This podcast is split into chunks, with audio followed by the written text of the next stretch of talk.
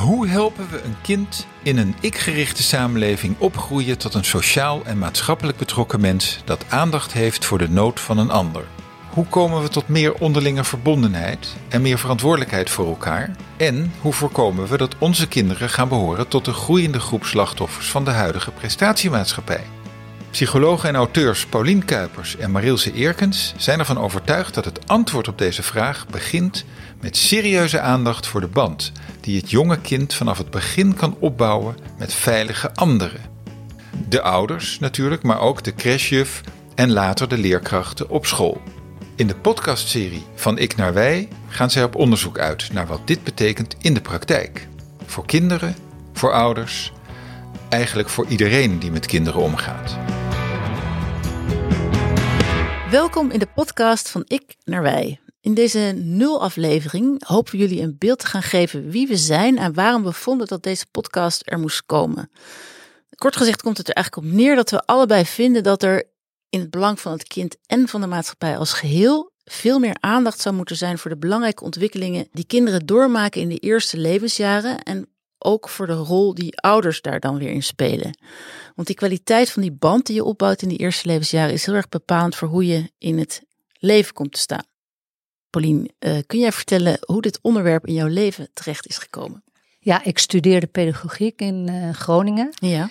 En ik moest stage lopen. En ja, toen was ik uh, op een kinderdagverblijf voor speciale kinderen.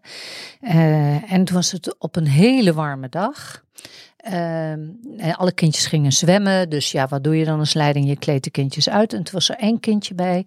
En die bleek onder de uh, brandwonden te zitten. Het uh, rompje, dat kon je dus niet zien als je de kleren Ja. niet uittrok.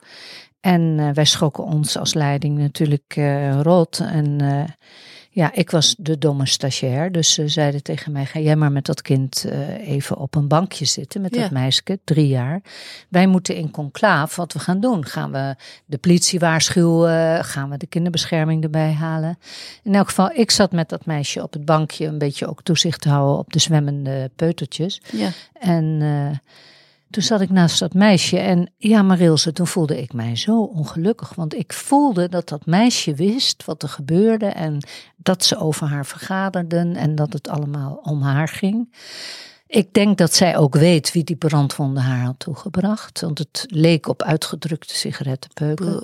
Ja. En dan wordt er niks tegen zo'n kind gezegd.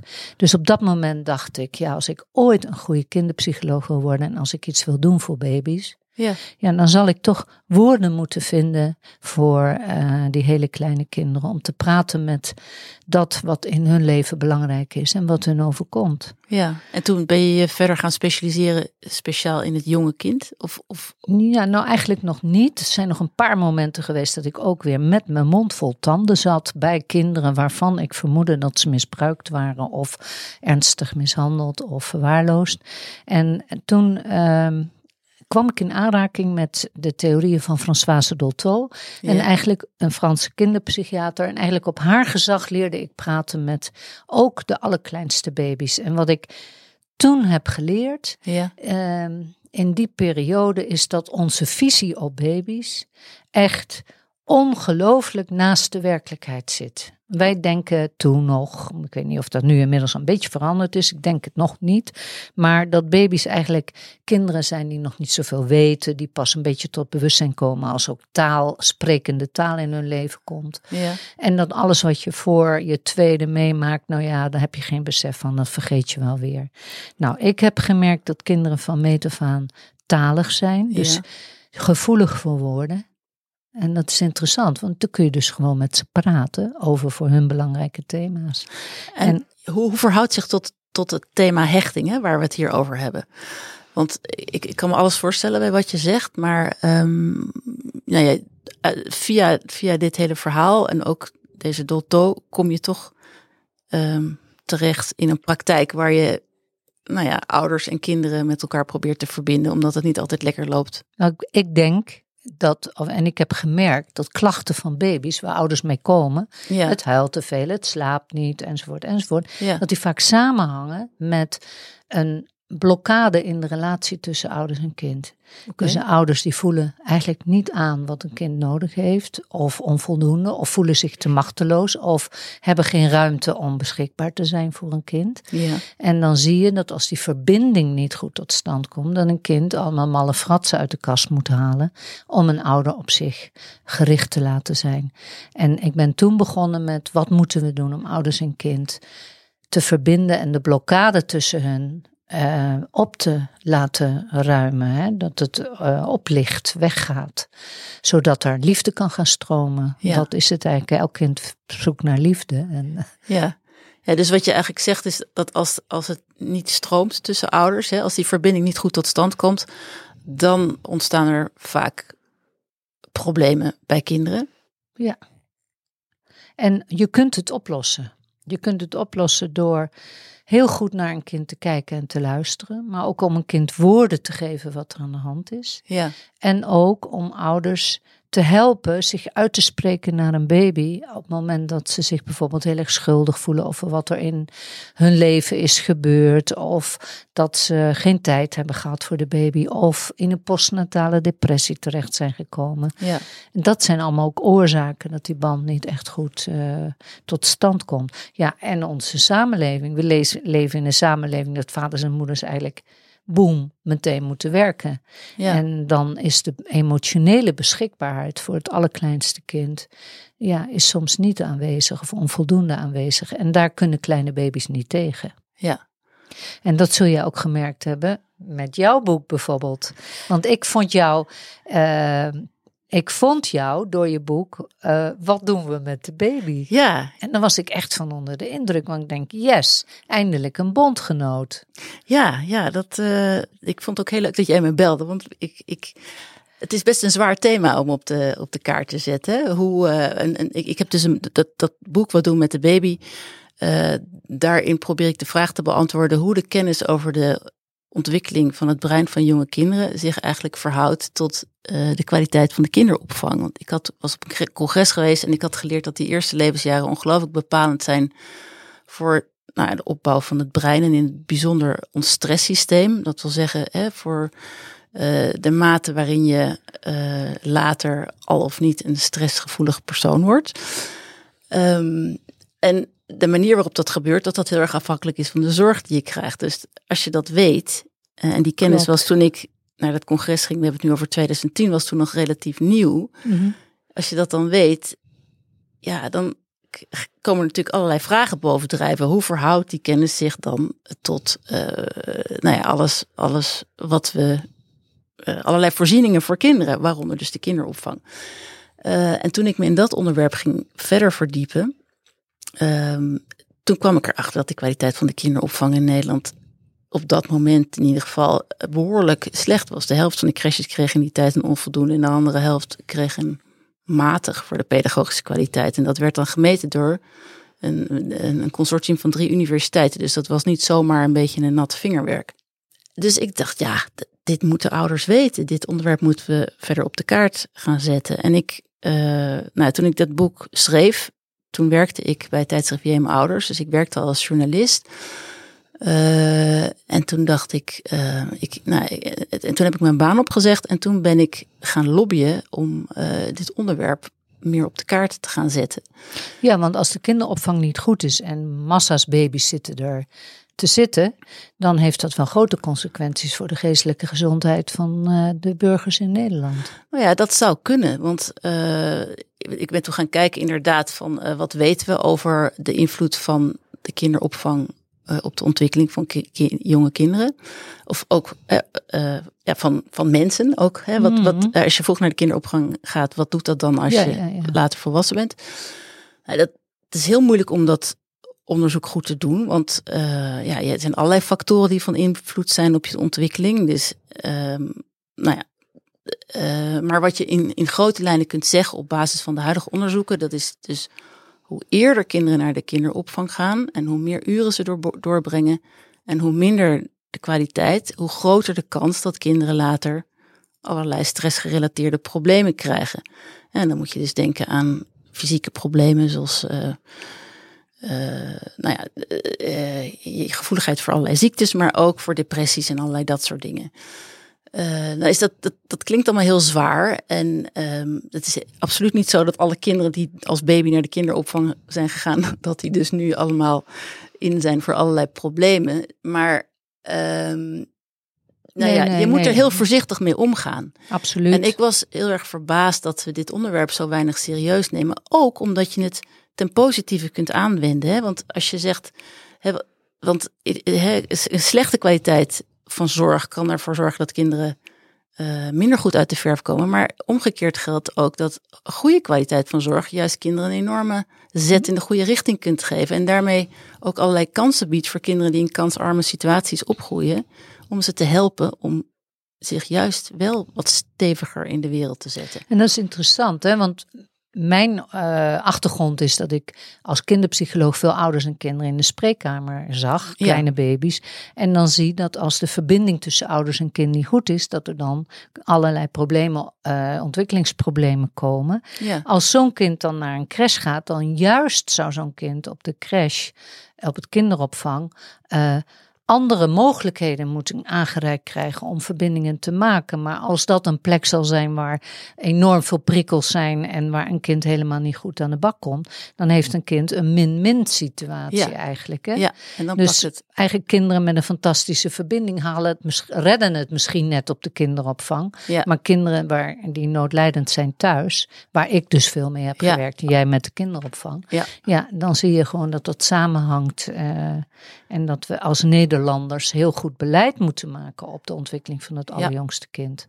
Want waar blijven we als we de baby's laten eh, verwaarlozen in hun basale behoeften? Want die hebben ze gewoon. Ze willen sensitiviteit, beschikbaarheid. Ze willen ehm, getroost worden. Ze willen voorspelbaarheid. Eh, ze hebben eigenlijk niet zoveel verzorgers nodig, omdat ze puzzelen hoe de wereld in elkaar zit. Ja, en als de een dit voorleeft en de ander dat, ja, dan weet een baby eigenlijk nog niet veel over de wereld. Ja. En ze hebben woorden nodig. Ja. Maar als er geen woorden zijn op de kinderopvang, want er zijn twintig kinderen en één jufje, ik noem maar, ik chargeer enorm nu, hè? Ja, er zijn natuurlijk wel strenge regels. eh, dus, maar het is nog steeds zo dat eh één leidster voor drie A4 baby's moet zorgen. En dat is gewoon behoorlijk. Dus behoorlijk. Doe dat maar zoals moeder voor Ja. vier baby's zorgen Ja. de hele dag. En als je dan weet dat die kinderen heel veel één op één aandacht nodig hebben. En dat het Ja. heel belangrijk is om.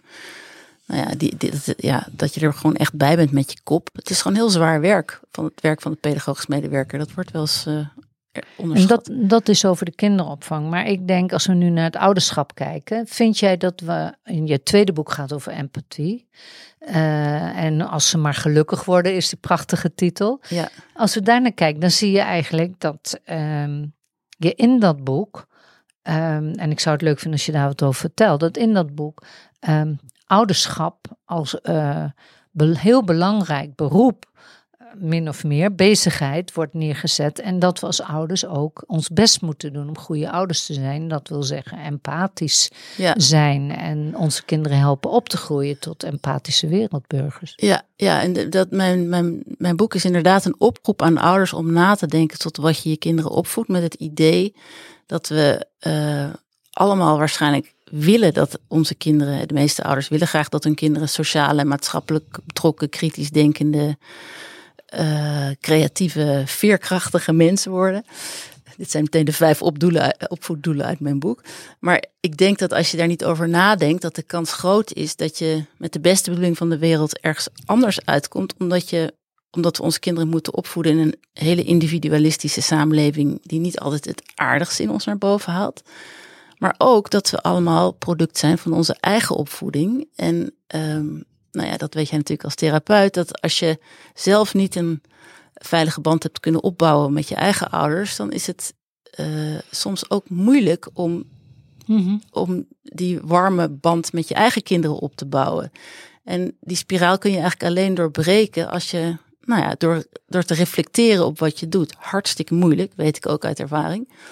Maar ehm, ik denk wel dat dat de weg vooruit is. En we, we, we- je maakt allemaal fouten als ouder, maar ik denk wel dat we, nou ja, door erover na te denken, kunnen we steeds een stapje verder komen. Hè? En zo kan iedere generatie weer doorbouwen op de schouders van de volgende. En nou ja, komen we steeds dichter bij dat doel van die sociale, empathische, Ja. eh, eh, maatschappelijk betrokken mensen die we denk ik nodig gaan hebben in deze turbulente samenleving waar veel op ons afkomt. eh. dat is zo.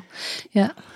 Ja, Dus- in mijn boek eh, Eerste Hulp bij Hechting ja, probeer ik ook ehm, aan te geven dat eh, niemand iemand is zonder verbinding. Zonder verbinding is niemand iemand. Dat Ik heb deze zin niet van mezelf, die is uit de Ubuntu-filosofie van Zuid-Afrika. Ja, Maar het interessante is, in jouw boek zeg je ook van, de wereld is een keten. Hè? De ouders steunen weer op hun ouders, op Ja. hun ouders. En ergens moeten we die keten doorbreken. ja, En in mijn boek zeg ik ook, ja, we zijn geen, niet alleen een verticale keten, maar we zijn ook een horizontale keten. Want een baby is niet een baby als individu, die is, heeft allerlei verbindingen. ja, En een ouder heeft allerlei verbindingen. En Ja. het interessante is dat de jeugdzorg, en dan ga ik eventjes uitweiden over Ja. jeugdzorg, goed ja, Marlies? ja, ja, ja, dat lijkt me heel. Want, want de jeugdzorg die is uitsluitend gericht op individuen. Natuurlijk kijken ze wel wat de opvoedkwaliteit zijn van Ja. ouders. Maar dan komt het op het individuele ouderschap neer hoe een kind het doet. Terwijl, ja, eigenlijk heel eerlijk gezegd. ehm, als niemand iemand is zonder verbinding, dan zouden we als jeugdzorg ook moeten kijken dat klachten van kinderen voortkomen Ja, uit die omgeving. Dat vind ik zo interessant. Dat Ja. jij altijd zegt dat, je, dat eh, het, je moet het, het kind moet niet in therapie, de relatie moet in therapie, Ja. toch? En dat, want ja, Ja, en dan zie je ook dat de ouder soms bij ene kind veel beter doet dan bij het andere kind. Maar omdat die- het gewoon makkelijk is, daar sluit je hem gewoon makkelijker bij aan waarschijnlijk. bijvoorbeeld, Ja. of het wordt op een ander moment geboren, of Ja, de ja, verwekking was niet wat, wat ze hoopten dat het was geweest, of nou, kan van alles zijn. Ja, En eh, ik zou dan ook willen dat de jeugdzorg hier een enorm punt van maakt om ook de relatie in onderzoek te nemen. Wil niet zeggen dat een kind niet een stoornis kan hebben, of een klacht of een ontwikkelingsprobleem, maar, maar die staat nooit op zichzelf, zeg je. die staat nooit op zichzelf. Nee, ja. Als ik naar behandeld word, zou worden door een, een man of een partner of een vriendin, ja, dan huil ik. Dan kun je zeggen tegen mij, je bent een huilenbalk, je bent misschien depressief en je moet een pil. Maar je kunt ook zeggen, ehm, wat maakt jou zo aan het huilen? En ehm, Ja. Wat is er in jouw leven gebeurd? En welke relaties maken jou aan het huilen? Ja. En ik denk dat ik dan heel blij zou zijn dat ik een verhaal kan vertellen. Hè? Ja. En zo geldt het ook voor baby's. Ja, ik moet even zeggen, we hebben tegenwoordig steeds over huilbaby's. ja, dat. Wat wou je Nee, zeggen? ja, jij, jij vertelde mij laatst het voorbeeld, dat vond ik zo grappig. eh, Over, jij zei, je bent- nou ja, vertel jij het zelf maar. Nou, we hebben het allemaal over huilbaby's. Er gaan hele programma's over tot en met Nieuwsuur aan toe. Maar ik denk, ja, dan gaan we een baby categoriseren op een bepaald soort gedrag. Ja, Een huilbaby. Maar we zeggen toch ook niet, dat is nou typisch een huilouder. ja een Of een huil- huilvrouw. We hebben een categorie huilvrouwen. Ja. Nee, die baby heeft natuurlijk problemen, maar die heeft ook relatieproblemen. Want doordat hij zo huilt, kan zijn mama hem niet troosten, is zijn mama machteloos en die papa erbij. En dan krijgen die ouders ook nog mot, want ja, god, de een helpt de ander te onvoldoende. Ja, en dan hebben we het over de huilbaby, maar het hele gezin is aan het huilen. Want ja, niemand kan meer het leven een draai geven. Ja, Zo eh, zou ik daarnaar willen kijken. En de jeugdzorg zou ook de terminologie echt moeten veranderen. ja, want inderdaad, je, het gevaar is natuurlijk ook dat je kinderen reduceert tot hun probleem. Dat vind ik eigenlijk Ja, ook zo Mooi pijnlijk. gezegd, ja. Ja, want er zijn natuurlijk veel meer dan dat. Het is gewoon één, één onderdeel. eh, en we luisteren ook slecht naar ouders. Ik bedoel, die zeggen soms het probleem, maar dan gaan we met onze psychiatrische achtergronden dat weer categoriseren. Bijvoorbeeld, een moeder zei: Dat kind dat haalt het binnenste uit mij buiten. Ja, het ja. binnenste uit mij buiten. Je kunt dan naar het kind kijken. Waarom is die zo eh outreachend agressief? Ja, Maar je zou ook kunnen kijken, het binnenste uit mij buiten. Wat is dat binnenste dan? En wat haalt hij dan buiten? En dan blijkt het vaak dat het toch een probleem van de moeder is, waarbij het kind misschien wel heel eh, onhandig, maar loopt te helpen om Ja. haar daarvan af te helpen. Hè? Bijvoorbeeld van Ja. haar boosheid of van haar verdriet. ja, ja. Nou, dit is een beetje in een nutshell waarom wij dit onderwerp heel belangrijk vinden. En wat wij dus eh, steeds proberen te doen. Ik door dit mijn boeken te schrijven, Paulien, met haar therapie. eh, eh, en ook door het geven van trainingen, is dit onderwerp op de kaart te zetten. Ehm, En door jouw boeken. En we gaan maar lekker door. ja, en, nou ja, en deze podcast is eigenlijk ook een soort, ja, het verlengde van dit hele, Uh-huh. onze, onze hele, nou ja, strijd is een groot woord, maar eh, ons, ons streven om, om dit onderwerp wat serieuzer op de kaart te zetten. En ook ouders te helpen om hierin verder te komen. Daarom hebben we uh, een aantal mensen geïnterviewd die uh, waarvan wij denken dat het de moeite waard is om te horen wat zij hierover te zeggen te hebben. In de volgende aflevering praten we met Bram Bakker, voormalig psychiater, podcastmaker en tegenwoordig vooral bekend als schrijver. Ja, ben benieuwd. En dan hebben we het Nieke Menke, dat is ja. een lactatiekundige. Uh, die uh, weet alles van voeding voor baby's, van borst tot fles en gaat over de verbinding van ouder-kind. Ja, en dan praten we met Simon Hay, is een pedagoog die uh, werkt in de kinderopvang en uh, sterke ideeën heeft over hoe we de kwaliteit daar kunnen verbeteren. En last but not least praten we met Vivian Heijnen. Zij is directeur van Zorg en voormalig directeur van de JGZ. In welke hoedanigheid zij heel veel gedaan heeft voor het consultatiebureau. En de verbinding ouder-kind uiteraard. Ja, en wat we er allemaal kunnen doen om dat te verbeteren. Verbeteren, precies. Nou, fijn dat jullie gaan luisteren. Super. En uh, tot in de volgende aflevering. De eerste dus, Bram Bakker. Uh, je kunt je abonneren op deze podcast. Dag. Dag.